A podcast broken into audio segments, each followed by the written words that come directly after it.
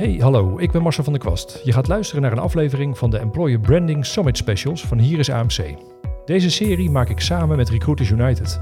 In november 2020 organiseert Recruiters United voor de vierde keer de Employer Brand Summit, met dit jaar als thema Branding Culture.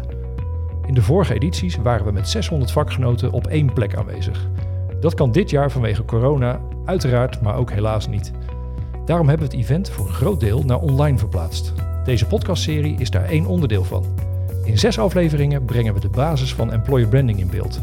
Van strategie tot zichtbaarheid, van cultuur tot cijfers en van EVP tot contentplan. In iedere aflevering zitten er een aantal vakgenoten aan tafel, waardoor je een lekker breed beeld krijgt van de employer brand praktijk in Nederland. Je gaat nu luisteren naar een aflevering over cijfers en meten. Om employer branding serieus neer te zetten, moet je duidelijk maken wat je ermee bereikt. Wat kun je daarvoor meten en hoe doe je dat? Daarover praten we vandaag met Jelmer Zuidema van Roadtrip, Mitchell van Koert van Achmea en Babs Quist van Avico. Voor alle afleveringen in deze serie kun je kijken op recruitersunited.com of op hierisamc.nl. Veel plezier met deze aflevering en alvast bedankt voor het luisteren. Welkom bij een van de afleveringen van onze Gooiland sessies. Vanuit Hotel Gooiland in Hilversum maken we een serie van zes afleveringen over employer branding. In andere afleveringen gaat het over cultuur, strategie, het verhaal en zichtbaarheid. Deze aflevering bepaalt of employer branding een leuke hobby blijft of dat we er ook echt een serieuze business case van maken. Want we gaan het hebben over cijfers. Hoe ga je nu in de gaten houden en aantonen dat je employer branding aanpak ook werkt? Wat kunnen we meten? Daarover gaan we in gesprek. Dat doe ik met drie mensen aan deze tafel. Goedemiddag allemaal, welkom. Mijn expert van vandaag, Jelmer Zuidema van Roadtrip. En we hebben weer twee werkgevers aan tafel. Babs Quist van Avico en Mitchell van Koert van Achmea. Welkom allemaal. Nou, we gaan er, we gaan een mooi gesprek van maken. Um, ik begin bij jou, Jelmer. Vertel eens, vertel eens heel kort. Wie ben je? Wat doe je? Ik ben uh, Jelmer Zuidema, 29 jaar. En samen met Johan Koppelmans, dat kan soms verwarrend zijn voor veel mensen, ben ik Roadtrip begonnen begin dit jaar. En met Roadtrip uh, helpen wij werkgevers aan de juiste data om hun beslissingen te maken. En wij, de data staat eigenlijk in teken van het verbeteren van een recruitmentproces. En eh, om in één keer van die hele discussie af te zijn, ben jij nou Jelmer 1 of Jelmer 2? Ik ben Jelmer 1 en dat is puur omdat ik ouder ben. Niks hiërarchisch. Oké, oké. Okay, nee, maar dan is het vanaf nu gewoon wel duidelijk. Um, over het, laten we het vakgebied even neerzetten. Hè? Want um, als je employer branding ziet, dan wordt het vaak neergezet, en ja, dat, dat klopt natuurlijk ook, als een soft vakgebied. Zeker als je het afzet tegen recruitment en recruitment marketing. Uh, toch wil het vandaag gaan hebben over, over cijfers, over harde cijfers. Wat, wat, wat maakt het meten van employer branding nou uh, anders dan bijvoorbeeld recruitment marketing? Ik denk dat het belangrijkste verschil het doel is. Wat wil je bereiken? Kijk, bij een uh, employer branding campagne wil je bewustwording maken. Je wil een change in uh, gedachten, in gedachtegang bewerkstelligen.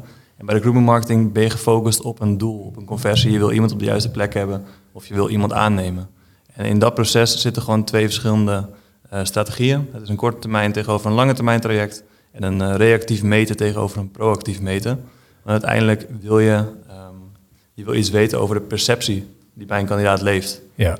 En dat is uh, gewoon een stuk lastiger dan uh, zeggen of iemand aangenomen is of niet. Maar het is wel te doen, toch?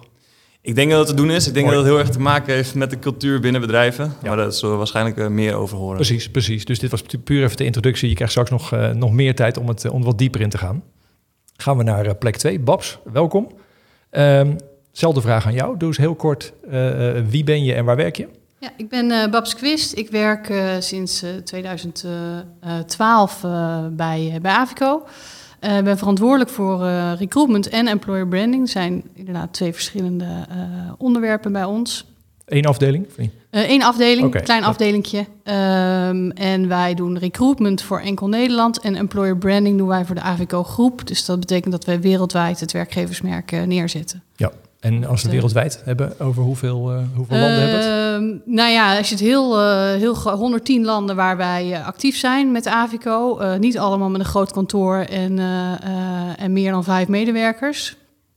in Europa zijn wij in Duitsland, België, Zweden, Spanje en Polen hebben we kantoren staan. In China hebben we fabriek ook staan.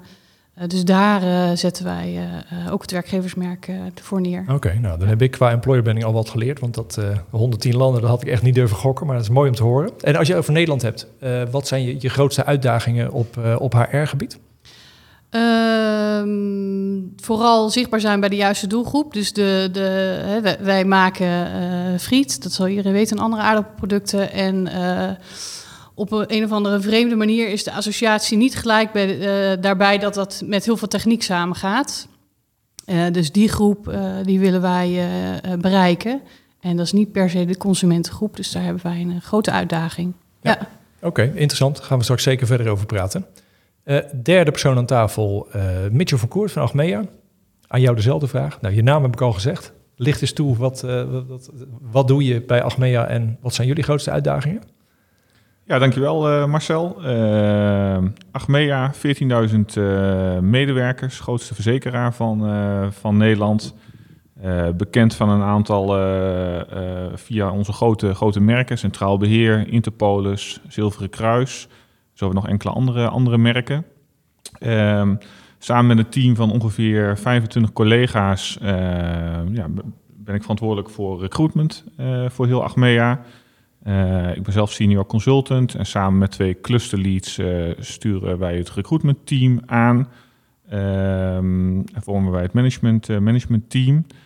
Um, grootste uitdagingen, denk ik, binnen, binnen Achmea is van hoe komen we van, laten we zeggen, reactief werven wat meer naar proactief, planmatig werven. Dat is nog wel een uitdaging waarmee, wij, waarmee we te maken hebben.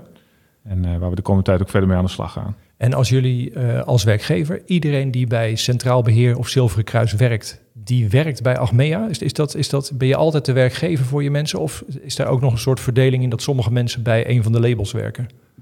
Nee, Achmea is de werkgever voor, uh, voor al die 14.000 uh, 14.000 mensen. Uh, we werven meer dan 3.500 mensen per jaar. Dus dat is ook inderdaad voor al die verschillende, verschillende merken. En dan heb je het ook over verschillende, verschillende contractvormen. Uh, het is uiteraard wel zo hè, dat medewerkers van verschillende labels soms ook wel wat meer met het ene merk of dan met het andere merk hebben. Maar toch is dat nog wel iets waar mensen zich op verkijken. Want ik denk dat zo'n 80% van de, van de mensen niet specifiek aan één specifiek merk toe te wijzen is. Dus je ziet heel veel mensen die ook voor meerdere merken werken. Ja. Uh, waardoor je ook echt dat sterke employer brand van Achmea nodig hebt. Precies, dus je hebt het echt over het employer brand Achmea in de breedte. Absoluut, ja. ja. Oké, okay. um, nou, tot zover de intro. Kunnen we nu de diepte in? Um, laat ik eerst nog eventjes bij, bij Babs en Mitchell beginnen. Want jullie hebben natuurlijk heel kort uh, even neergezet wat je... Um, ja, ja, eh, even alvast iets over het onderwerp. Babs, neem eens iets meer de tijd om, om te zeggen... waar staan jullie op dit moment met Avico qua... Uh, nou ja, kijk, we hebben het wel, het onderwerp is meten. Dus, dus ergens moet je, moeten we het naar cijfers toe gaan. Maar hoe, hoe, wat, wat, ja, waar sta je op dit moment op dat front? Uh, nou ja, dat, dat, als, je het gaat, als je het hebt echt over specifiek het meten van hoe, hoe bekend zijn wij als werkgever en hoe kijkt men uh, naar het employer brand Avico, daar staan we echt in de kinderschoenen. Wat wij afgelopen jaar hebben gedaan, eigenlijk afgelopen anderhalf jaar, is de business case gemaakt van wat, wie, wat moeten wij doen om een uh, global employer, employer brand uh, uh, goed neer te zetten. Hoe werkt dat ook met andere landen vanuit Avico, waar niet altijd de samenwerking vanzelfsprekend is, dat dat vanuit de centrale plek gebeurt. en wat willen we dan daarin bereiken, gezamenlijk? dus daar hebben we wel daar hebben we naar gekeken. Daar hebben we vervolgens samen met een bureau een, een nieuw employer brand voor gebouwd met een nieuwe EVP. Uh, en daar ook de, uh, de juiste, uh, het juiste ATS-systeem, denken wij, bij, bij gezocht. En de juiste partners om dat employer brand de wereld in te helpen. Ja, en, en voor Nederland is het iets meer op werving toegespitst? Of? Ja, voor Nederland is het heel specifiek natuurlijk, omdat we daar weten hoe, hoe groot onze doelgroepen zijn, wie er in die doelgroepen zit en waar ze ongeveer zich bevinden. dus daar konden we natuurlijk ook met de data van de werving van de afgelopen jaren, want we meten natuurlijk al wel al een hele tijd de conversies eh, van de verschillende stappen binnen het proces.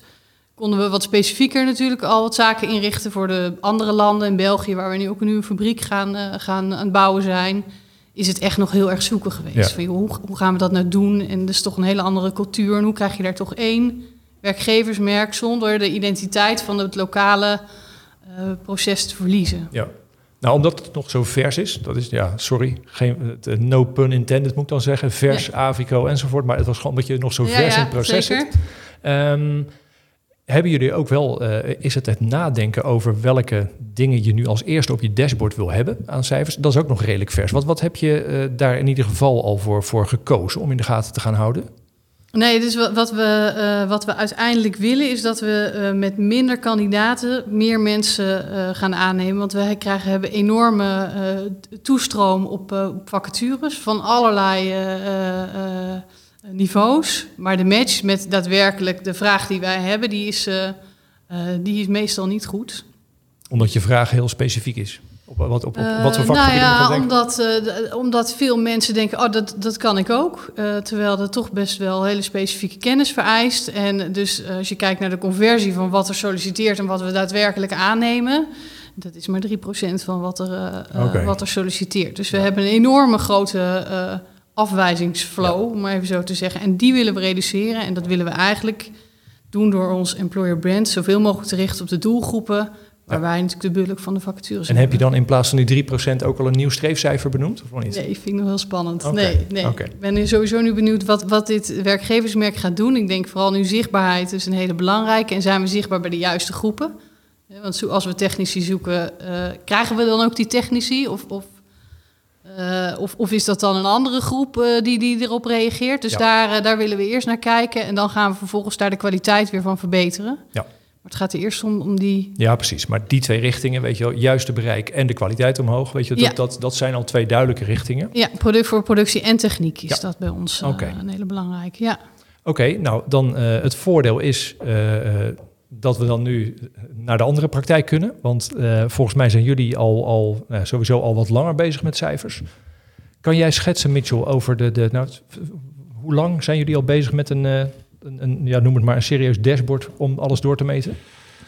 Ja, ik, wij hebben sinds uh, dit jaar echt een dashboard waarin we alles bij elkaar, uh, bij elkaar gebracht hebben. Wij zijn wel echt best wel een lange tijd bezig met het meten van, uh, van verschillende KPI's. Ehm, ik denk dat wij al een jaar of vijf, zes onze reputatie meten. Dus we hebben een reputatietrekker die eigenlijk op dagbasis meet hoe onze reputatie zich ontwikkelt die we ook kunnen ophogen op momenten dat we campagnes voeren. Om, om duidelijker te kunnen zien van wat doet een campagne nou daadwerkelijk met je, met je reputatie. We hadden ook allerlei verschillende recruitment-specifieke KPI's, uh, waar de recruiters meer naar, uh, naar keken. Uh, en wat we sinds, sinds begin dit jaar hebben gedaan, is dat we al die data in één dashboard hebben, hebben gestopt. Dus twee mensen in het team hebben zelf in Power BI een heel gaaf dashboard gebouwd. En daarin zie je zowel de data die we op het gebied van vast recruitment, inhuur, employer branding, campus recruitment, uh, hoe die zich ten opzichte van elkaar ook verhouden. Uh, waardoor je eigenlijk gewoon één overzicht hebt waarin je, waarin je ja, aan het werk gaat. Ja. Uh, waarin je als managementteam met elkaar elke maand even het gesprek aangaat van hoe staan we ervoor. Waarin ook de verschillende recruiters zelf daarmee aan de slag kunnen, kunnen gaan. En dat is wel echt een hele mooie, mooie stap voorwaarts in dat opzicht. En als je dat, omdat je het al enige tijd doet, Noem eens één of twee, twee uh, learnings uit die tijd. Cijfers die je in het begin belangrijk vond, die je er nu niet meer op hebt staan, of andersom. Ja, ik, ik vond het wel mooi net toen uh, wat, Babs, uh, wat Babs vertelde. Kijk, ik, ik denk dat het heel erg, als je het hebt over meten, hè, dat zou mijn key takeaway misschien wel zijn. Ehm, dat je jezelf altijd eerst de vraag stelt van wat wil je nu ook daadwerkelijk weten? Jij hebt mm. bijvoorbeeld de assumptie van, goh, we hebben te veel sollicitanten voor het aantal vacatures ja, dan zijn dat de KPI's waar je naar moet kijken om te zien van hey, welk probleem heb ik en welk probleem ga ik daarin, uh, ga ik daarin oplossen. Ik denk dat het uh, wat niet slim is om te doen, is om gewoon van scratch af aan goed na te gaan denken of een boek te gaan lezen of een, of een blog te gaan lezen om te kijken van hey, wat zijn nou de KPI's die wij moeten gaan monitoren. Want dat is denk ik niet per se toepasbaar op jou als organisatie. Je vroeg me van wat hebben, we, wat hebben jullie nou, nou geleerd? Ik denk dat wij in het begin best wel wat KPI's hebben opgesteld Waarin je dan vervolgens erachter komt dat je daar nooit meer naar kijkt, omdat ze helemaal niet zo heel relevant zijn. En vice versa, dat er bepaalde KPI's zijn geweest waarvan je helemaal niet het belang per se heel erg in uh, zag. Maar die je nu wel heel erg, uh, heel erg En, en, kun je een voorbeeld noemen van, van allebei die, die, die soorten? Ja, nou ja, kijk, wat, welke voor ons heel erg belangrijk is, en ik heb het ook best wel eens met, uh, met vakgenoten wat discussie over. Wij maken gebruik van Stakeholder Watch om onze reputatie te monitoren. Nou, dat is een partij die dat meet. Uh, en die meet dat voor heel Achmea en voor al onze stakeholders. En ook voor veel meer dan alleen de arbeidsmarkt, toch? Ja, ja, ja dus precies, of het nou gaat om je leveranciers, of je interne medewerkers, of je klanten, of de arbeidsmarkt. Van al die stakeholders wordt eigenlijk gekeken van hey, hoe kijken die nu naar Achmea als werkgever. En uh, er zijn heel veel andere methodes om ook je werkgeversmerk te, te monitoren. Alleen dit is binnen Achmea de manier waarop onze raad van bestuur ook bijvoorbeeld kijkt naar hoe ontwikkelt de reputatie van Achmea zich als bedrijf nu. En sinds dat wij daarop zijn aangesloten, op die norm, merk ik ook dat alles wat wij doen uh, ook heel erg wordt uh, omarmd uh, op dat vlak. Omdat ze gewoon ook KPI's zien die zij zelf ook herkennen en waar ze een bepaalde waarde aan hechten. dus dat is voor mij iets waarvan ik dacht, daar had ik van tevoren nooit van bedacht dat die zo belangrijk zou zijn. Maar die blijkt in de praktijk dus heel goed aan, goed aan te slaan. en dat is voor, voor, ons, voor ons heel erg, heel erg werkbaar.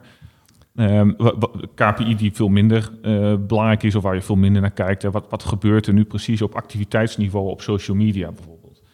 Omdat daar zoveel zaken in zitten die heel moeilijk te beïnvloeden zijn. Waardoor je elke keer als je daarnaar kijkt, dan zeg je van... oh ja, wat mooi, het is heel erg toegenomen of wat valt wat tegen. Maar je kunt je zelden echt de vinger erop leggen van waar zit hem dat nu precies ja, ja. Dat is er eentje waarvan ik merk dat we daar steeds minder naar, ja. uh, naar kijken. Terwijl hij er heel mooi uitziet. Ja, ja precies, precies. Daar kan je een mooi dashboard van maken. Ja, precies. Oké, nou dat was dat, uh, twee, twee praktijkdingen. Kom ik even terug bij jou, Jelmer. Als je, als je uh, kijk, misschien moeten we even een soort disclaimer doen hoor. Want er is natuurlijk niet, nou, nou, misschien komen we er wel op uit, maar er is niet zoiets als één waarheid. Want we hebben wel leuk om even te schetsen. We hebben in deze serie ook een aflevering opgenomen over strategie. Nou, dat is natuurlijk de, de counterpart van deze aflevering. Want als het goed is wat je in je strategie kiest, gaan wij hier afspreken dat we gaan meten. Maar daar was ook ongeveer de uitkomst van ja, er is niet één ABC van de employer brand strategie. Je moet vooral per organisatie goed kijken wat past er bij, mij en welk probleem moeten wij oplossen. Dus dat vind ik ook mooi bij, bij passen bij wat jullie zeggen. Maar als je nou gaat kijken in het hele, het hele land van, van, nou ja, van KPI's, zeg maar. Wat, zouden, wat zijn nou KPI's die zich typisch lenen voor uh, het meten van employer branding?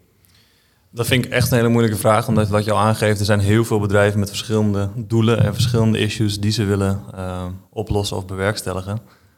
Ik denk dat je niet, ik kan nu één ding roepen, alleen dat zou heel erg biased zijn en jullie gaan er niks aan hebben, want uiteindelijk zijn er heel veel dingen die voor heel veel organisaties niet gaan werken. Wat ik bij een van mijn klanten gezien heb, is dat ze bijvoorbeeld kijken naar de in-mail open rate van LinkedIn en dat koppelen aan een employer brand. Dat vond ik een hele gave, omdat het ook uh, aan twee kanten het mes snijdt. Wat je met employer branding doet, heeft invloed op het werk van de recruiters. Absoluut. Ja. En dat is denk ik waar je wel naar moet blijven kijken. Wat is je doel met employer branding? Ja. Nou, jij hebt, uh, Babs heeft een heel duidelijk doel en Mitchell heeft ook een heel duidelijk doel. En wat je ook al aangeeft is hoe dichter je doel bij de doelen van het hele bedrijf zitten, hoe makkelijker je ROI aan te tonen wordt en hoe makkelijker ja, je serieus genomen wordt. Ja. En dan mag je bij de boord aan tafel bij hoger bij jullie gok ik. En zo kom je wel steeds, uh, uh, steeds verder. Ja, ja. je moet ietsje dichterbij als je wil. Dat, uh, ja. Um, nee, ik ben met je eens hoor. Dat, makkelijke vragen bestaan ook niet in dit, dit, onderwerp. Maar je noemt daarna gelijk wel een heel mooi voorbeeld. Ik heb zelf altijd het idee dat het, dat het of het heeft te maken met bereik op de een of andere manier. Weet je, bereik je genoeg mensen, de juiste mensen.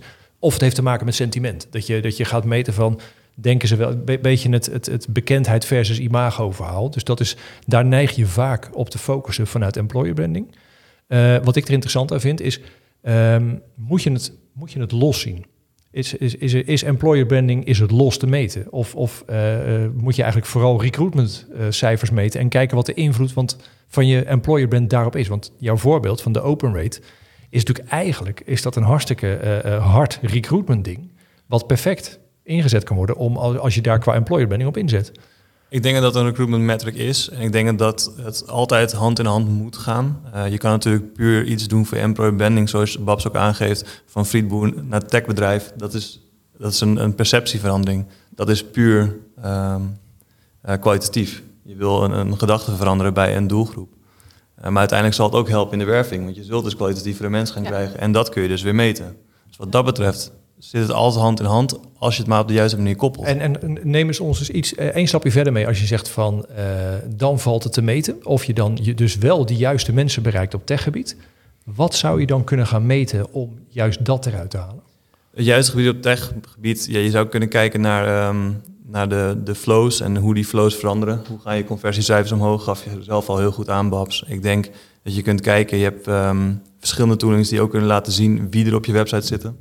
Als zijnde zelfs een LinkedIn Marketing of LinkedIn Marketing Insights geeft jou inzicht in welke beroepen of welke beroepsgroepen er op de website zitten.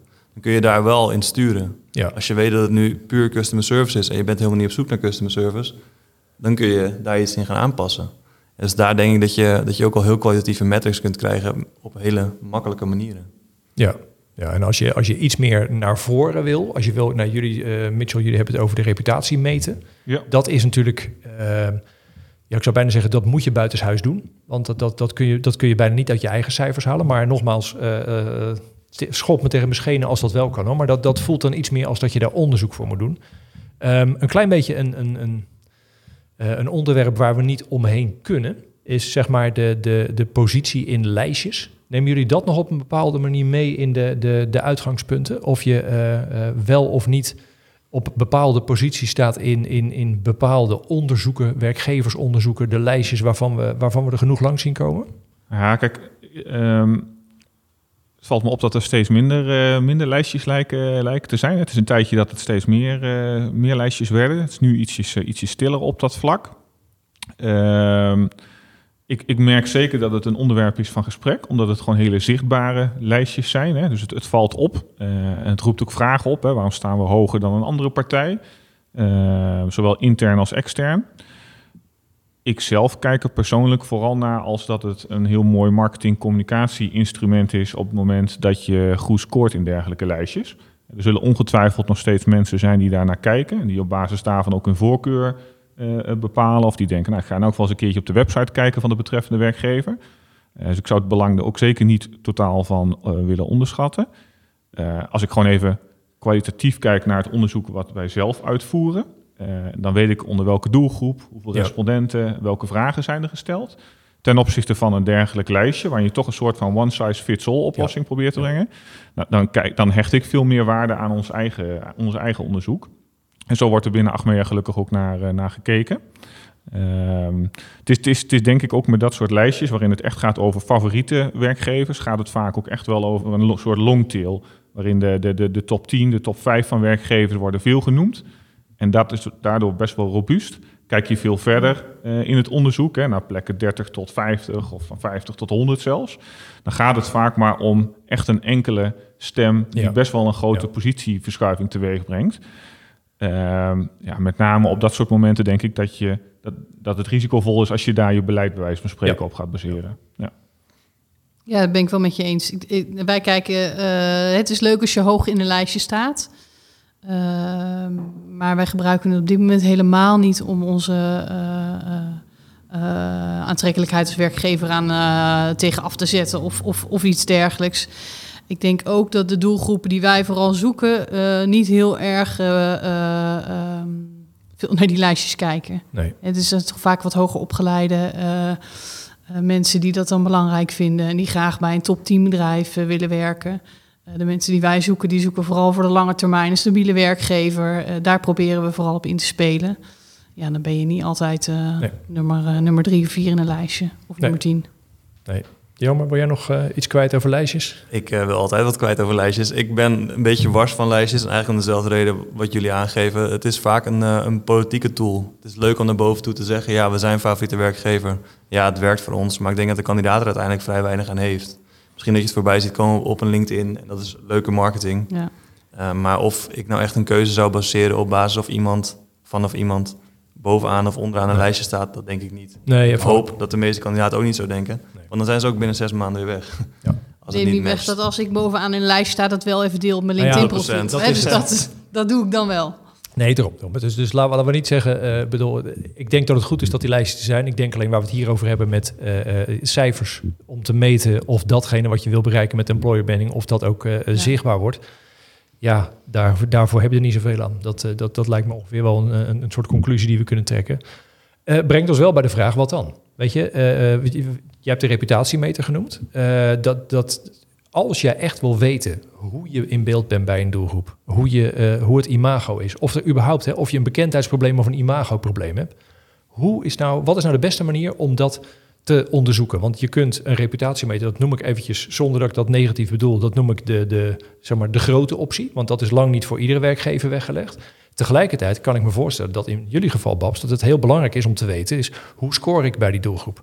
Hoe, hoe gaan jullie dat in kaart brengen? Heb je dat al, uh, heb je dat al op de korrel? Nou, ik, ik ga uh, voor nu, denk ik dat we dat gaan zien uh, aan, het, uh, aan, de, aan de doorlooptijd, die een stuk terug gaat lopen. Dus we hebben nu enorm lange wervingstijden om die, die procesoperators, om het heel praktisch en plat te slaan, en de, de storingsmonteur te vinden. En ik hoop dat op het moment dat wij dit employer brand en de campagnes daaromheen goed hebben neergezet en we dus veel zichtbaarder zijn, wij ook sneller die facturen kunnen gaan invullen. En dat, dat, dat zal het meest zichtbare succes zijn op dit moment. Ja, ja, maar nou is die op zich nog wel redelijk wervingstechnisch. Ja. je, dat je, dat je Ja. op basis daarvan. Kijk, als je daar echt helemaal in de voorkant gaat zitten, een beetje qua ben ik in beeld bij een doelgroep overwegen ze me en kan ik gaan werven? Dat zijn een beetje nou, willekeurig drie momenten in een, in een, of je het nou een funnel of een journey wil noemen, dat maakt me niet zoveel uit. Maar als je die verschillende fases wil, wil weten, dan kan je in elke fase kan je wat meten. Ik ben Ja. eigenlijk een beetje op zoek, omdat we hier wel, weet je, we zitten wel eh, over employer branding, een beetje naar die eerste fase van, van hoe kan je nou merken of je in beeld bent bij mensen, of je in beeld bent bij de juiste mensen. Wat heb je daar zelf voor mogelijkheden voor al in handen als je eh, eh, nou, misschien nog helemaal niet zoveel budget hebt? Wat kun je doen als je het echt wil weten? Mag ik die, die eerste, weet je, jammer, wat, wat zou je daar zelf al aan kunnen kijken? Kan jij daar eens een paar voorbeelden van noemen? Ja, jij noemde net bijvoorbeeld ook een, eh, een imago schade. Dat is natuurlijk best wel zichtbaar. Dan sta je in de krant of het staat overal op social media. En daar heb je de social listening tools voor. Dus eh, kun je gewoon kijken welke termen er bij jouw merk geassocieerd worden. Dat is altijd wel een hele fijne voelspriet. Ik zeg niet dat je daar je rapportage op moet doen, maar het is wel fijn om te weten wat mensen over je zeggen.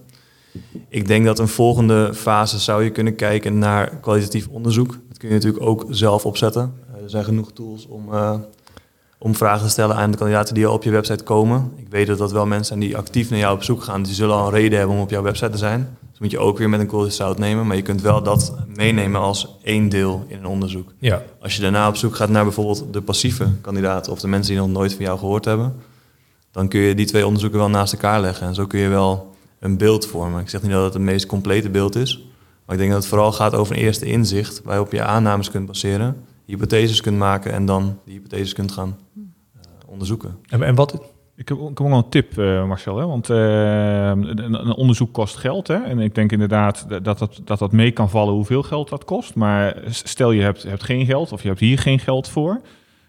Wat, wat je sowieso, wat iedereen zou kunnen doen, is dat je gewoon goed gaat kijken naar bijvoorbeeld het websiteverkeer. Eh, wat er op jouw site binnenkomt. Eh, hoe ontwikkelt het organische verkeer zich op jouw site? Dat, dat zegt iets over hoe goed vindbaar ben je in Google, maar dat zegt ook iets over je naamsbekendheid. Eh, je kan dat vervolgens ook gaan analyseren hè, op basis van welke zoektermen komen mensen bij jou, bij jou uit. Hoe ontwikkelt zich dat door de tijd heen? Als je daar activiteit op onderneemt, zie je dat dan terug in dat soort cijfers? Kijk, dat soort analyses kun je over de jaren Ja. heen gewoon gratis doen. En dat zegt echt wel iets over hoe het met jouw bekendheid bijvoorbeeld gaat. En gebeurt dat onder de juiste doelgroepen of niet? Eh, dus ik zou dan ook echt heel erg kijken naar wat gebeurt er op je website. En hoe komen mensen daar terecht en hoe Ja. acteren ze vervolgens? Volgens mij kun je daar heel veel informatie gratis eh, ja, vandaan halen. en de fase daarvoor, hè? Eh, het aantal LinkedIn-volgers wat je hebt als organisatie, is dat een, een employer branding metric? Toen Ja. werd het stil. Nou, laat ik zo zeggen, misschien moet ik het mezelf... eh, Ik Ja. moet je eerlijk zeggen dat ik daar soms wel eens eh, naar kijk. Omdat ik denk, weet je, een, een merk is toch, als je het helemaal uitgekleed, dat is een relatie. Weet je, dat is, dat is een, een doelgroep die aangeeft van, nou, ik, ik wil wel, ik wil in ieder geval volgen op LinkedIn. Nou, het is bijna het eerste letterlijke vinkje in eh, de, nou, de- bijna de goedkeuring voor een volgende fase. Dus ik, daar kun je wel wat mee, zonder dat het nou heilig is. Hè? Want, want hoe trouw is een LinkedIn-volger? Maar het is wel een eerste signaal wat je krijgt van een doelgroep die zegt van, oké, ik, ik wil wel, eh, ik sta open voor meer informatie. Ja. Maar ik denk op zich dat de volgers zelf nog niet, in mijn beleving niet zoveel zeggen. Maar ik denk vooral dat hoe ontwikkelt zich het aantal volgers zich nu. Hè? Stel je voor dat je er vorig jaar 5000 bij kreeg en je krijgt er nu ineens 15.000 binnen. Ja. En stel je zou dat ook nog eens een keer kunnen vergelijken met een aantal van je concurrenten in dezelfde branche. Op basis daarvan kun je wel zien of je het Ja. beter of minder goed doet Ja. ten opzichte van vorig jaar en ten opzichte van je concurrenten. Dus als je op die manier daarnaar kijkt, denk ik dat dit ook net als die websitebezoekers bijvoorbeeld een, een nuttige metric Ja. kan zijn waar je wat uit kan En waar je eh, ook mee wat, dat je kunt er wat mee gaan doen. Kijk, Alleen het is ook typisch zo'n metric waarvan ik denk, ja, ik zou er nooit op sturen. Want het is super simpel om heel veel Ja. LinkedIn-volgers te krijgen. Ja. maar dat, dat, dan heb je nog geen sterk Nee. werkgeversmerk. En dat gaat je op de lange termijn niet per se helpen. Nee, het getal zelf is niet heilig. Nee, Het- het- dat, precies. maar dat is een beetje het. eh, Dit is met alles. Ja, dat is de klopt. conclusie van alles met Ja. employer branding. Weet je, alles heeft context. Maar ik vind soms wel eens dat daar te makkelijk overheen gestapt wordt. Dat je, dat je puur met LinkedIn-volgers. Ja, daar, daar, dat is al, daar kun je al iets Ja, mee. nee, maar Maar dat- eens. Eens. Maar Jelmer, je zit. eh, Ja, ik zit na te denken, want ik denk, kijk, ligt uiteindelijk iets op alles, het in, alles je moet je in perspectief zien. En dat is precies het punt dat Mitchell ook maakt. Kijk, uiteindelijk als ik eh 100 euro krijg om volgers te gaan, eh, te gaan krijgen, verkrijgen, dan zijn er duizenden manieren om dat heel snel Ja. te doen. Ja. ja. En ik denk dat het daardoor ook een beetje een scheef beeld geeft. En ik denk ook dat het te maken heeft met het aantal werknemers wat een bedrijf heeft, Ja. hoeveel volgers je hebt. Dat zijn vaak wel trouwe volgers, mensen die bij je werken. En het, eh, het opzeggen, eh, opzeggen van zo'n abonnement zo'n LinkedIn-pagina, dat is vrij lastig. Dat doe je niet zomaar.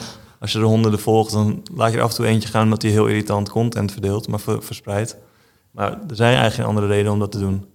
Dus ik denk dat, dat je alles in perspectief moet zien. En dat is ook Ja. het mooie. Nou ja, maar dat het mooie en tegelijkertijd het ingewikkelde als je zo'n onderwerp als cijfers, weet je, als ik een beetje in mijn achterhoofd zit te turven, wat voor praktische tips kan ik hier uithalen, dan, dan, nou, dan hebben we er een, een, we- wees niet bang, want er zitten er genoeg in hoor. Maar zo ben ik een beetje de, de verschillende kanten aan het afgaan, dat, we- dat we eh, helemaal mee eens, alles is eh, de context die, die, ja, die vervloek je soms wel eens, want je zou gewoon eens een keer lekker lomp iets willen doen wat dan in één keer klopt. Maar ik denk dat je dan een ander vak moet kiezen, dan zit je bij employer branding niet zo goed. Maar er zijn wel, weet je, dat los van het feit dat er niet een soort basis, weet je, er is niet één ding wat waar is, je kunt er wel wat mee. Ehm, andere vraag. Jullie hadden het net, kwam eh, heel kort kwamen even de eigen mensen eh, kwamen langs. Voor employer branding, eh, nou ja, zeker nu, juist nu zou ik bijna willen zeggen, een, een erg belangrijke doelgroep. Wat zijn nou getallen om in de gaten te houden hoe het gaat met je eigen mensen? Wat hebben jullie daar zelf voor in je dashboard staan of in je Mitchell? Ja, wat, wat, wat we sowieso doen, is dat wij eh, in ons medewerker betrokkenheidsonderzoek kijken naar de net promoter score onder eigen, onder eigen medewerkers. Hoe ontwikkelt die zich? Nou, dat is er sowieso een die eens per jaar onder de hele Achmea-populatie wordt uitgerold. Eh, daarnaast zijn er ook nog pulsmetingen die vaker plaatsvinden, zodat je ook tussentijds nog wat, eh, nog wat ziet.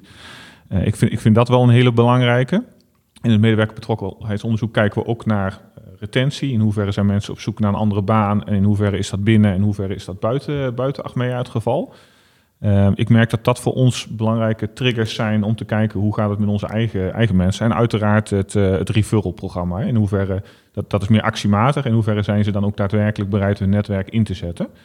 Ehm, ook dat, dit, dit is allemaal weer ja, eigenlijk gratis in te regelen, zullen we maar zeggen. Maar waarmee je best wel goed inzicht kan krijgen over hoe het met je eigen medewerkers eh, gaat op dat vlak. En zit er verband tussen dat als de reputatie buiten, als die goed is, dat mensen intern ook eh, trotser worden, dat die, die net promoter score omhoog gaat? Ja. Of? Ja, absoluut, absoluut. Dus je ziet, hè, dat is het mooie aan dat stakeholder watch. Je ziet heel duidelijk dat die stakeholders ook een heel groot verband met elkaar houden. Dus het is zelden zo dat je op één van de stakeholders heel goed scoort en op de andere minder goed. Dus die ontwikkelen zich altijd best wel in de juiste, Ja. in de juiste hoedanigheid. En je ziet dus ook dat activiteiten die je ja, als verzekeraar doet of als werkgever, die hebben ook op al die andere stakeholders hebben die impact. Ja. Eh, en dat is je denk ik ook altijd goed om jezelf te realiseren op het moment dat je hiermee aan de slag eh, gaat. Eh, ja, we bereiken allemaal heel veel mensen met elkaar. En al die mensen zijn ook gewoon nog eens een keer onze klanten. Eh, dus ook, ook nou, een belangrijke reden om er heel goed mee om, Ja. mee om te gaan. Ja, ik kan me voorstellen dat dat, Dat voor is jou ook zo. iets is. Ja, Ja, ja. Onze, onze consument is ook onze doelgroep in veel gevallen. Ja. Dus je moet extra voorzichtig met ze zijn. Ja, je moet sowieso eh, denk ik heel voorzichtig met ze zijn. Eh, nou, in jullie geval dat je zegt 3 procent. ja, ja, 97 ja. procent En eh, dat is een hele zeggen. grote groep, zeker in nee. Als je kijkt naar, naar alleen Nederland, hebben wij natuurlijk een enorme naamsbekendheid. Dankzij ons, eh, ons retailmerk, wat natuurlijk heel sterk is. Maar in alle andere landen liggen wij niet in de supermarkt. Eh, en maar 5% van wat wij produceren ligt in de supermarkt. Dus de, de, de wereld van Avico, de- doelgroep van Avico is veel groter dan, dan alleen die consument hier in, eh, in Nederland. En wij zijn eigenlijk maar net eh, gestart om eigenlijk onze eigen collega's te motiveren om ook als ambassadeur voor het werkgeversmerk van Avico naar buiten te treden.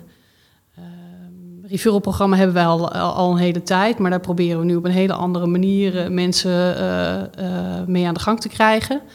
Eh, door het veel interactiever te maken, door veel meer social media in te zetten. En we proberen ook op onze eigen kanalen en zo mee te wijden eigenlijk nu zoveel mogelijk collega's eh, eh, dat kanaal te laten volgen. Want dat is bij ons al een hele grote uitdaging om, om onze eigen mensen eh, eh, volger te laten zijn van onze social media kanalen. Ja, precies. Dus dat, dat is, laat ik zo zeggen, dat is de eerste bijna. Dat de is- eerste link ja. die je legt. Dat is, dat is nummer één. En op het moment dat zij dus onze, eigen, onze content gaan delen, dan hopen we op die manier veel meer betrokkenheid en ook veel meer eh, kwaliteit eh, of eh, eh, kwantiteit qua referrals te krijgen. Kwaliteit is al goed qua referrals. Oké.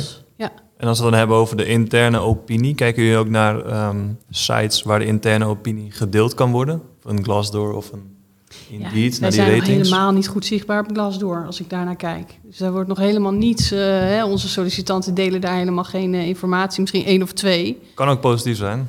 Ja, ja, volgens mij zijn wij er niet zo goed op Glassdoor. En dat komt dan door één slechte, slechte review van iemand eh, een keer. En, dan, ja, en dat blijft, blijft je eeuwig volgen. Dus je zult eigenlijk of heel actief moeten gaan vragen aan mensen... wil je een review achterlaten op Glassdoor?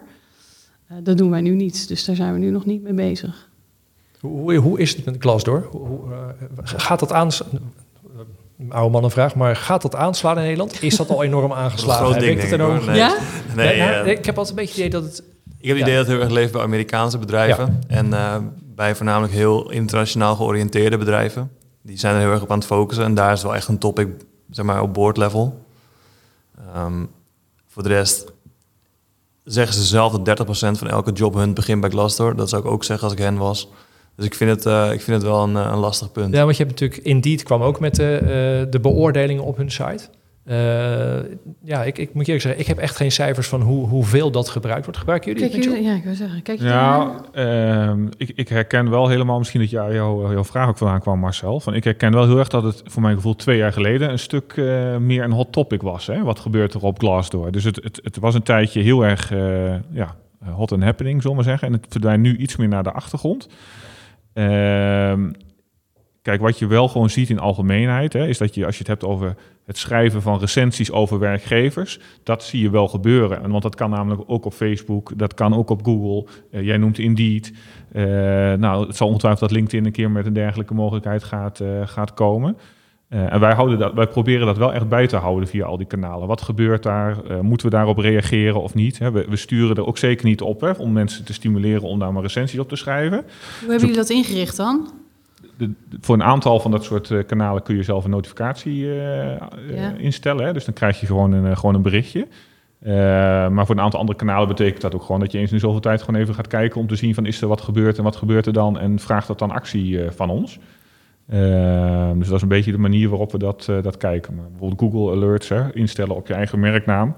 Dan kom je ook al heel veel elementen tegen die over je gezegd wordt en die ja, soms wel en soms geen actie vragen. Maar je vraagt mensen niet actief Nee. om een recensie te schrijven. Zonder dat je zegt van dat die positief moet zijn. Maar als je het gewoon in de breedte Ja. zou uitzetten van joh, we zouden, Ja. het, eh, we zouden het waarderen als. Ja, Want nu is het eigenlijk zo dat als je het niet simuleert, dan, dan nou goed, mijn aanname is dan dat mensen er eerder naartoe zullen gaan om iets slechts over je op te schrijven, dan dat ze iets heel goeds over je op willen schrijven. Maar dat, dat, eh, daar, Ja. stuur, je- daar, daar, daar stuur je nog niet op, dat klinkt te negatief. Ja, wij, wij, wij, hebben er ook wel eens over nagedacht en wel eens over gesproken, maar we hebben er uiteindelijk nooit toe, eh, toe gekozen Nee. om daar zelf echt actief eh, iets mee te, mee te doen. Ik snap wat je zegt, je hoeft niet te zeggen schrijf iets positiefs.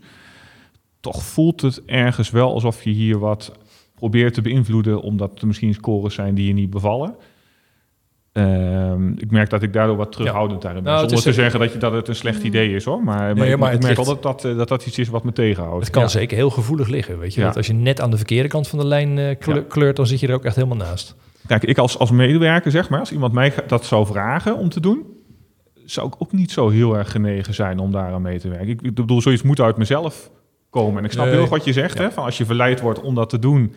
Maar, eh, nou ja, dus dat... eh, Maar volgens mij gebeurt het sowieso niet zo heel positief, dan wel negatief. Gebeur, eh, zie ik nooit heel veel, in ieder geval vanuit, vanuit voor, over Avico, niet heel veel reacties. En Nee. ik vraag me ook af of de doelgroepen die wij willen, willen binnenhalen, of die echt naar die, überhaupt naar die reacties kijken. Ik heb niet die indruk namelijk. Ik zie Nee. daar vaak wel een trend in als je heel proactief gaat werven en je gaat veel adverteren, dat je dan ook meer reacties krijgt en dus ook meer negatieve reacties. Je zult wel zien dat, eh, dat daar een, eh, een, eh, hoe noem je dat? een gelijke lijn in zit. Ja, ja. ja. Dat, is wel, dat is ook wel gevaarlijk om te zien, want het is natuurlijk ook heel publiekelijk. Want zo'n advertentie bereikt heel veel mensen. En als één iemand daar negatief om is en je laat dat vier, vijf weken ja, letterlijk wegrotten, dan Ja. kan het ook wel echt een imago-dingetje worden. Ja, ja precies, precies. Het is iets wat je heel zorgvuldig moet, eh, moet behandelen. Maar het is wel, nou, dat lijntje is... is eh, Er zijn ook wel chicere manieren om kandidaten om feedback te vragen. Je hebt het over een eh, ENPS en je hebt natuurlijk ook een CNPS, een Candidate NPS. Dat zijn natuurlijk wel manieren om ook dit soort informatie te krijgen, zonder erom Ja. om te bedelen door, eh, e-mails sturen van mag ik alsjeblieft een reactie Ja. op uh, Glassdoor. Ja, nou ja, precies wat jij zegt. Weet je, de, de, de- je candidate experience meten en eigenlijk op, op, op alle momenten vragen van ho- hoe het is aan de overkant. Weet je, of alles nog goed bevalt. Dat is zeker iets waar ook, waar ook veel ontwikkeling in zitten. Ehm, het is misschien een bruggetje naar. eh, ik, ik denk dat ik jullie nog twee vragen ga stellen, want dan eh, moet ik ongeveer met, met mijn tijd weer een beetje in de gaten gaan houden. Je krijgt straks als laatste vraag nog eh, wat, wat je mensen voor tip mee gaat geven. Weet je, die dit hebben zitten beluisteren en die morgen aan de slag willen. Wat zou dan, wat jou betreft, de, de, de, de tip zijn? Ik wil daarvoor eigenlijk nog eentje vragen die misschien een beetje in dezelfde kant zit hoor. Maar we hebben het nu heel erg gehad over wat heb je op je dashboard staan? Hoe hebben jullie bij Avico, hoe heb je het ingeregeld?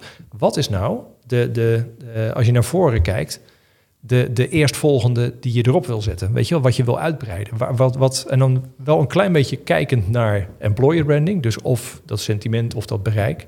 Wat, wat zou nou je eerste wens zijn? Of misschien is die al heel concreet en staat die al gepland en komt die morgen online, dan mag je het ook zeggen. Dan wordt het stil en dan gaan ze naar me kijken. niemand wil als eerste. Ja, Nou, nee, ik zit wat erover na te denken. Ja, ja zeker. Nou, ik, heb, eh, ik heb altijd een enorme wensenlijst. Dus dat is een beetje mijn eh, eh, probleem dat ik dan lastig vind om te kiezen. Eh, maar wat wij wat, voor Nederland hebben we, hebben we best wel al. eh, als je het zeker vergelijkt met de andere landen, weten we best wel veel van onze doelgroep, waar ze zitten, wie ze zijn. Nou ja, noem maar op. Ehm, het zou voor mij heel mooi zijn als wij straks, zeker voor België, wat eigenlijk ons tweede land is als het gaat om medewerkers, ehm, ook, eh, ook een ontwikkeling kunnen zien dat wij dus nu met de start van het nieuwe employer brand ook daadwerkelijk de juiste doelgroepen kwalitatief eh, eh, goed naar binnen kunnen halen. Ja. Ehm, nu, heb, nu hebben we daar namelijk nog helemaal geen kennis van. Dus het zou echt geweldig zijn als we straks weten, oké, daar zitten ze. Dit vinden ze heel erg belangrijk. En op deze manier eh, eh, hebben we laten zien eh, dat, dat we ze daadwerkelijk aan ons hebben kunnen binden. Ja, dus En- eigenlijk die, die business case daar Ja, van nul dus af hè, die volgers zeker. En dan social media en LinkedIn is daar echt nog lang niet zo groot als dat het in Nederland al is. En als je ze daar ziet groeien en daar ook de juiste profielen gaat terugzien... en dat die mensen ook daadwerkelijk ons verhaal gaan delen... Ja, dat zou wel super zijn als we dat Ja. eh, straks inderdaad er terugzien. Nou, vind ik een mooie. Vind ik een mooie. Ja, ik, ik heb ook al wat te wensen. Nee, wij, wij hebben een prachtig recruitment eh, dashboard. Eh, daarvan is het gewoon een kwestie om daar met elkaar aan de slag mee te blijven, te blijven gaan. Eh, maar wat zou ik graag willen, en waar zijn we ook wel mee bezig om dat voor elkaar te krijgen, is we zijn aan het werk om daadwerkelijk een, een data warehouse te bouwen. Dat is meer een HR-breed data warehouse. En eigenlijk is het idee daarvan dat je daar de verschillende bronnen in met elkaar gaat combineren. Dus dat je recruitment data gaat combineren met data in je learning management system, in je eh, core HR system. Ehm, zodat je uiteindelijk daadwerkelijk op basis daarvan ook dwarsverbanden kan gaan zien. En dat je kan zien dat onze club die zich bezighoudt met opleiden, eh, dat activiteiten daarop aansluiten op het gebied dat wij doen, op het gebied van eh, recruitment. Ja. Zodat je niet straks meer onnodig extern werft, maar eerst echt optimaal bezig bent om je interne pool geschikt te maken voor bepaalde, voor bepaalde functies. Eh, door het aan je core HR-system te koppelen, kun je ook mensen veel langer volgen. Misschien wel totdat ze uit dienst gaan. Kun je kijken of ze ambassadeur blijven, et cetera. Dat is echt wel, eh, wel, wel toekomstmuziek. Eh, we zijn nu heel hard bezig om dat technisch gezien te bouwen. Nou, ik kan niet wachten totdat we daarmee aan de slag kunnen gaan om daar ook de inzichten uit te gaan halen. En Jelmer, als jij de, de, de holy grail moet omschrijven. Ik vind dit al eh, redelijk holy grail. Werk vanuit je workforce planning en ook weten wat je over tien jaar nodig gaat hebben, zodat je budgetten efficiënt kan indelen. En dat je ook niet zomaar gaat adverteren om iedereen te gaan, eh, gaan bereiken. Ehm, holy grails, er zijn echt duizenden, denk ik. Ik zou wel, ehm, ja, ik zou wel een dashboard willen hebben waarin je kunt zien welke bron de meeste kandidaten oplevert, maar ook de meeste hires en ook de meeste vertrekkers. En op basis daarvan denk ik dat je eigenlijk alles kunt bepalen. Ja, Dan zou je ze eigenlijk ook nog per doelgroep moeten kunnen indelen. Precies. Dat zou echt ultiem zijn. Als je, als je die vier, vijf metrics hebt op papier, eh, per categorie, per Ja. business unit, of hoe je dat ook wil, dan kun je eigenlijk alles wel staven. En het is niet per se een holy, ja, het is wel een holy grail. nou, ja, een holy grail standaard dashboard. Dat zou iedere klant mooi eigenlijk dat hebben. door die holy grail te schetsen, dan is iedere stap die je daar naartoe zet, is gewoon al eh, concrete winst. Dus dan maak je het daarmee ook weer een stuk tastbaarder. Dus wat dat betreft wordt die wel mooi. Nou, je hebt natuurlijk altijd de, de- het doorkijkje naar eh, de kwaliteit van de mensen die je uiteindelijk binnen hebt. ja, die weet je pas als ze een tijdje bij je werken. En, en als je die kan koppelen aan de eerste contacten die je met mensen ooit hebt gelegd, ja, dan, dan kom je volgens mij in de buurt van een ideaalplaatje. Maar dan klinkt het tegelijkertijd ook alweer zo groot dat het uh, employer branding in ieder geval overstijgt. Maar dat is misschien toch al een beetje de, de, uh, de overall conclusie. Weet je, als je employer branding eruit probeert te lichten, ja, dan loop je er steeds meer tegenaan dat het gewoon uh, verweven is met alle. Kijk, ze zeggen van employer branding, het moet, of het nou van HR of van recruitment of van communicatie is ja, dat is per organisatie verschillend, maar iedereen moet zich ermee bemoeien. Mhm. Nou, dat blijkt ook weer uit dit cijfergesprek, want overal moet je eigenlijk een beetje tegenaan gaan hangen qua cijfers. En dan, dan, ja, dan moet je zoeken wat er best bij je past. Dus dat, in die zin past die mooi in de, de, de overige afleveringen die we gedaan hebben. Wat er ook mooi in past, dat we al die afleveringen afsluiten met een, uh, met een concrete tip, want dan ga ik uh, naar het eind toe. Um, als jullie nog nou, één ding mogen zeggen tegen de mensen die dit luisteren voor wat ze morgenochtend moeten gaan doen. Wat zou je dan, wat zou je dan zeggen? Wie wil, wie wil eerst bieden? Ja, ik, ik, ik wil wel, wel eerst. Ehm, nou, ik, zou eigenlijk zeggen, als je met, met, met, met data en met meten aan de slag wilt gaan, bestaat het voor mij uit drie stappen. bepaal eerst je doel. Wat wil je bereiken? Welk probleem of welk vraagstuk wil je graag oplossen? Uh, en begin klein, hè? begin met iets waar je mee aan de slag, aan de slag kan gaan. Begin met wat je op dit moment al meet. Hè? Ga niet een verlanglijstje opstellen met alle dingen die je graag zou willen meten, maar ga kijken wat je nu al hebt aan data. hoe klein of groot dat dan ook mogen, mogen zijn. En ga vervolgens met die gegevens daarover het gesprek met elkaar aan. Zie het nooit als een einddoel, maar zie het als het begin van een gesprek om met die data aan de slag, uh, aan de slag te gaan. Want dan zul je gaan merken dat je die data gaat verrijken, gaat verbeteren, maar dat je ook het goede gesprek met elkaar krijgt. Ja. En ook het verhaal achter die data beter gaat, uh, gaat snappen. Dus dat zou mijn, uh, mijn advies mooi, zijn. Mooi, lekker ja. praktisch.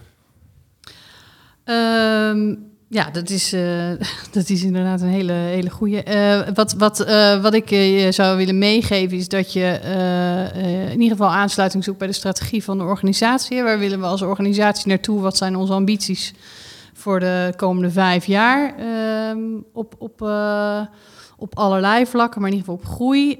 wat betekent dat dan voor recruitment en voor instroom? En wat moet je dan wat kun je dan voor, voor een overzichtelijk en, uh, en haalbaar uh, aan KPI's inrichten zonder dat je weet ik veel hoeveel tonnen aan investeringen moet doen om die KPI's uiteindelijk te gaan meten. Dus hè, houd inderdaad dicht bij wat je, wat je al hebt. Ehm, probeer zoveel mogelijk bij de doelgroepen te blijven waar de grootste, grootste pijn zit voor jou als organisatie. En ga daar verder in ontwikkelen. Ja, mooi. Nou, jammer. Aan jou? Nou, ik denk dat al het gras ongeveer wel voor mijn voeten weg is. ik uh, zit een beetje te luisteren naar ons eigen marketingverhaal.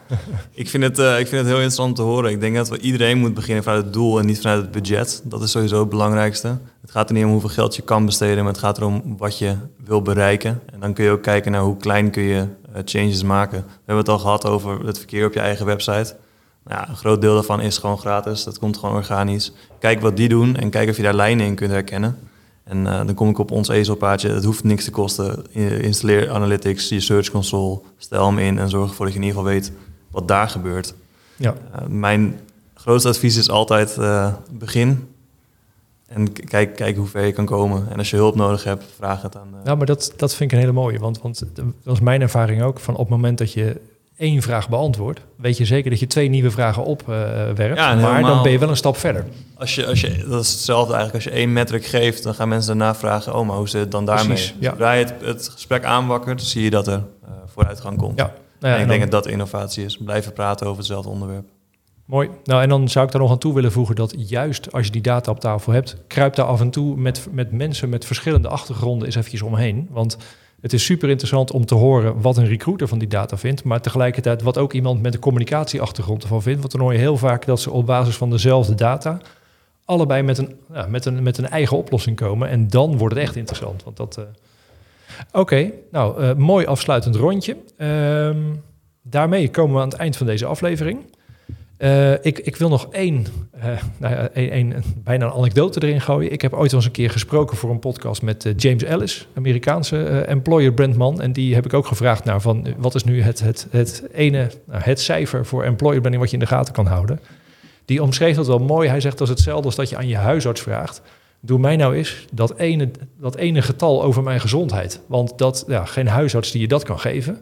En dat vergeleek hij heel erg met employer branding. Er is dus niet één getal wat je in de gaten kan houden voor employer branding. Er is wel, op het moment dat je gericht iets wil weten over een bepaald onderdeel, kan een huisarts jou precies vertellen uh, wat je kan gaan doen om te kijken of je nieren goed functioneren. Of dat je misschien een maagsfeer hebt. Weet je, dan ga je ergens op focussen. Dan zijn er heel veel gerichte dingen om, om, het, om, dat op die manier in beeld te brengen. Dat vind ik een, na dit gesprek past die er eigenlijk heel mooi bij. Want, want het ene getal hebben we niet benoemd. Ik denk wel dat er heel veel interessants voorbij komt over wat je wil, uh, als je wat wil gaan doen met data en employer branding. Dus vind ik een mooi, mooi rond eind. Dus zijn we klaar over het onderwerp? Uh, nee. nee, daar kunnen we nog een uur over doorpraten. Dat gaan we misschien een andere keer doen. Maar voor nu hebben we uh, het gesprek erop zitten. Um, we zijn er lekker doorheen gewandeld. Hopelijk zat er voor iedereen wat bruikbaars in. Jullie in ieder geval bedankt voor je, je tijd en je nuttige tips. En veel succes bij het vervolg met jullie plannen en met je employer brand. Dankjewel. Dankjewel. Dankjewel. Tot zover deze aflevering. We hebben een serie gemaakt van zes afleveringen over de verschillende onderdelen van een employer branding traject. Luister ze allemaal voor een mooi totaaloverzicht of kies er één of een paar uit met het onderdeel dat jou specifiek interesseert. Je vindt alle afleveringen op recruitersunited.com en op hierisamc.nl. Op recruitersunited.com vind je ook meer informatie over de andere onderdelen van de Employer Brand Summit. Op hierisamc.nl vind je ook alle overige afleveringen van de podcast. Bedankt voor het luisteren en tot de volgende keer.